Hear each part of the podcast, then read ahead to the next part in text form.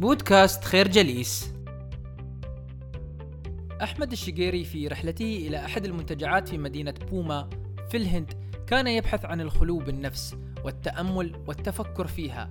كان يبحث عن صفاء الذهن أي يحتاج الابتعاد عن جو العمل ومشاغل الحياة. لذلك اتخذ بعض القرارات المهمة قبل بداية الرحلة منها عدم حمل جهاز الحاسوب معه وعدم استخدام البريد الإلكتروني وعدم أخذ الجوال معه. بالرغم من ممانعة أهله لهذه القرارات في البداية ولكنه اعتمدها كتحدي خاص لنجاح رحلته.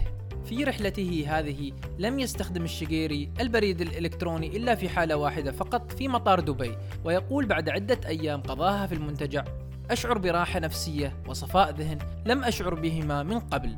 أشعر أن نفسي حرة وليست متشوقة لرؤية رسائل البريد الإلكتروني أو لرؤية الأخبار على موقع الفيسبوك وليست منتظرة ثناء أحد أو مدحه نلاحظ هنا القراءة الثاقبة للهدف ثم اتخاذ قرارات مفصلية مناسبة لتحقيقها ولو كانت على حساب الأهواء الشخصية. الفكرة قد يوهم المرء نفسه أحيانا أنه أدمن عادة أو سلوك معين ولا يستطيع الاستغناء عنه، ولكنه بمجرد اتخاذ القرار والتسلح بالعزيمة والإرادة فإنه يستطيع تجاوزه وتركه. تعرض غاندي للأذية من أحد الرجال البيض في جنوب أفريقيا فعندما علم أحد بما حدث اعتذر منه وتأسف بشدة وطالب أصدقائه برفع دعوة قضائية عليه لكن غاندي قال لا داعي للأسف. ما الذي يعرفه الرجل المسكين؟ أن جميع الملونين سواء في نظره وهو لا ريب يعامل الزنوج كما عاملني تماما.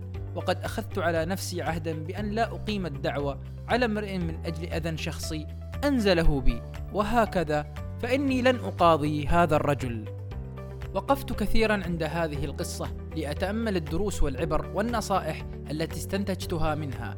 فأول حكمة ظهرت أمام عيني عامل الناس بأخلاقك ومبادئك.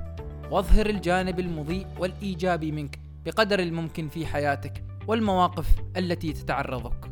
فهنا غاندي لم يرد السيئة بسيئة مثلها. فقد عفا وسامح من آذاه وتنازل عن حقه. أما العبرة الثانية كانت مرتبطة بداء العنصرية الداء الذي وجد منذ قديم الزمان ليومنا هذا من الواجب على الجميع الوقوف ضده وتوعية المجتمع بسلبياته وتأثيراته وتوضيح حتى أنواعه وأشكاله المختلفة. وقد حرص ديننا الحنيف في الكثير من المواضع على محاربة هذا الداء بكل أنواعه. قال تعالى في سورة الحجرات يا أيها الناس إنا خلقناكم من ذكر وأنثى وجعلناكم شعوبا وقبائل لتعارفوا. إن أكرمكم عند الله أتقاكم. إن الله عليم خبير. ومن الدروس أيضا تأثير المجتمع والبيئة في تشكيل الأفكار والمبادئ.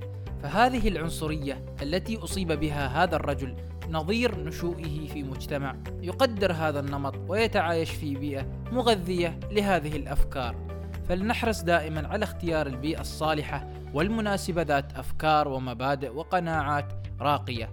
ولنتذكر دائما الجار قبل الدار والرفيق قبل الطريق. أما رابع الدروس والعبر فلنقف نتفكر في موقف غاندي من مطالبة أصدقائه ودعوني أطلق عليهم المحرضين وأصحاب الأفكار السيئة برفع قضية على المسيء له فلم يستمع لمطالبهم وكأنه أخذ بالقول اصحب الناس كما تصاحب النار خذ منفعتها واحذر أن تحترق الفكرة رؤيتك للقضية بإدراك ووعي كبيرين ومن زاوية مختلفة يعطيك نتائج وعواقب حسنة ومحمودة. العلم هو العمل، والعلم ليس حفظ العبارات والجمل، قد تحفظ الآية، فمن عفا وأصلح فأجره على الله، إنه لا يحب الظالمين، ولكنك قد لا تعيشها تطبيقا في حياتك. ما الفائدة من استكثارك وتعجلك في قراءة القرآن الكريم وأنت لم تطبق منه شيء أو حتى لم تفهم منه شيء؟ ما الفائدة من قراءتك لمئات من المجلدات والكتب ولكن لم تغير من سلوكياتك أو حتى من تفكيرك شيء؟ ما الذي يستفيده المجتمع من تغنيك بشهاداتك ودرجاتك العلمية وأنت لم تضع أي بصمة فيه؟ ما الفائدة من محاضراتك عن أهمية الحوار واحترام وجهات النظر وأنت مع أول اختلاف في الرأي تنزعج وتتكدر ولا تستحب حتى الإنصات. كيف لأبنائك أن يعترفوا بأقوالك عن أهمية البر بالوالدين وأنت عاق بوالديك؟ وكيف لي أن أتأكد بأنك لن تغتابني وأنت لم تترك أي شيء تعرفه إلا واغتبته وأكلت عظامه أمامي؟ وما الذي يجب أن نقوله في عدم دعم أفكارك أو أقوالك بالأفعال؟ عود نفسك يا صديقي على تطبيق ما تعلمته في مجرى حياتك وبتطبيقك للسلوك الحسن والإيجابي. ستجد الناس تتبع خطاك وتتمنى مجالستك. وتذكر بأنك قدوة لمن حولك. ولا تنسى المثل الصيني أن تشعل شمعة خير من أن تلعن الظلام.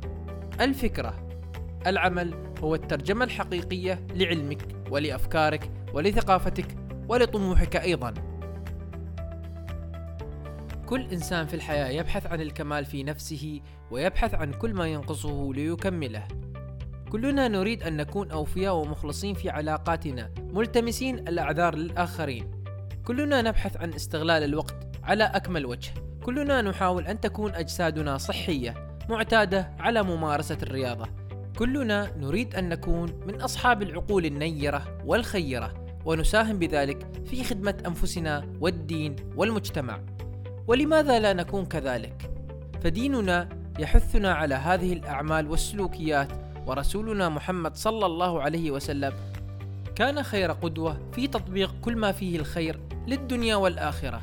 وكبار الأساطير والشخصيات الذين نتغنى بهم اجتهدوا وعملوا في ذلك ليرتقوا بذاتهم. فإن في بحثك عن الصفات الإيجابية لدلالة كافية على اهتمامك بها وهذه أولى خطوات الوصول لها فلا تقف عند ذلك. الفكرة النجاح نتيجة لذلك لا تركز أكثر من اللازم عليها وإنما صب تركيزك على الأسباب المؤدية إليها وتسلح بالعوامل التي أوصلت للغاية والهدف سواء المادية أو المعنوية. وانطلق. كفاك الانتظار والتوقف. نشكركم على حسن استماعكم. تابعونا على مواقع التواصل الاجتماعي لخير جليس. كما يسرنا الاستماع لآرائكم واقتراحاتكم ونسعد باشتراككم في البودكاست.